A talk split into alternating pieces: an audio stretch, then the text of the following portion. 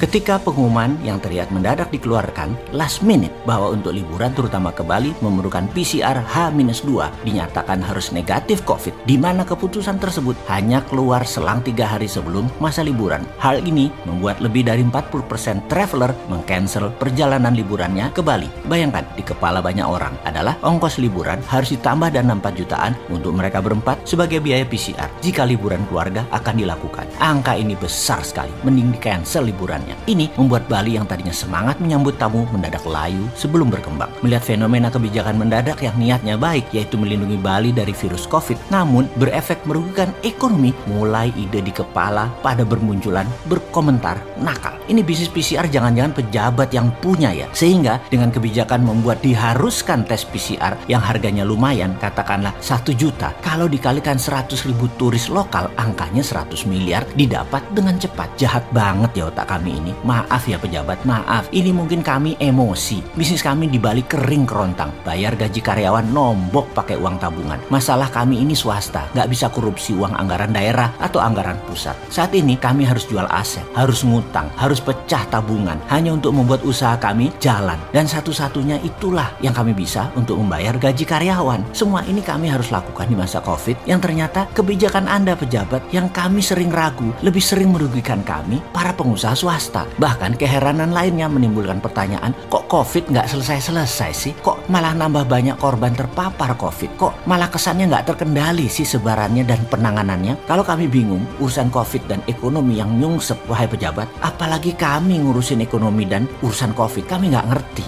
Kami bingung dan bertambah-tambah masalah kami. Kalian sih enak masih dapat gaji dari pajak negara. Kalian masih dapat fasilitas dan digaji dari keringat kami, para pembayar pajak. Tapi kenapa Pak, ketika kami bertanya keras sedikit, kami dihardik balik dengan keras. Karena kami lapar, kami ya pasti lebih keras lagi bertanyanya. Eh, Anda pakai palu hukum loh, kok kami jadi takut ya bertanya jadinya. Kami kok tertekan ya jadinya. Jadi kami ini sementara itu diam. Namun, semakin ke sini kami makin lapar. Kami sudah pasti teriaknya nambah kenceng. Walau kami tahu teriakan kami akan dibalas dengan gonggongan buzzer yang sigap menggonggongi kami dengan menjelekkan orangnya. Bukan apa yang kami pertanyakan. Gonggongan netizen bayaran tadi akan membuat suara kami menjadi samar dan hilang. Kebenaran kami bawa sering kebenaran polos kalah dengan kebenaran versi baser yang lebih tersusun rapi dan terlihat benar. Maklum, mereka ada uangnya, kami lapar, tapi kami tidak akan pernah berhenti berteriak. Kami tetap melanjutkan tradisi mengingatkan pejabat versi teriakan rakyat lapar. Namun, pasti di akhirnya kami tetap membantu memberikan usulan solusi, walaupun tahu nggak akan dipakai usulan tadi oleh pejabatnya, karena pasti mereka tidak akan dapat cuan kalau usulan kami dijalankan.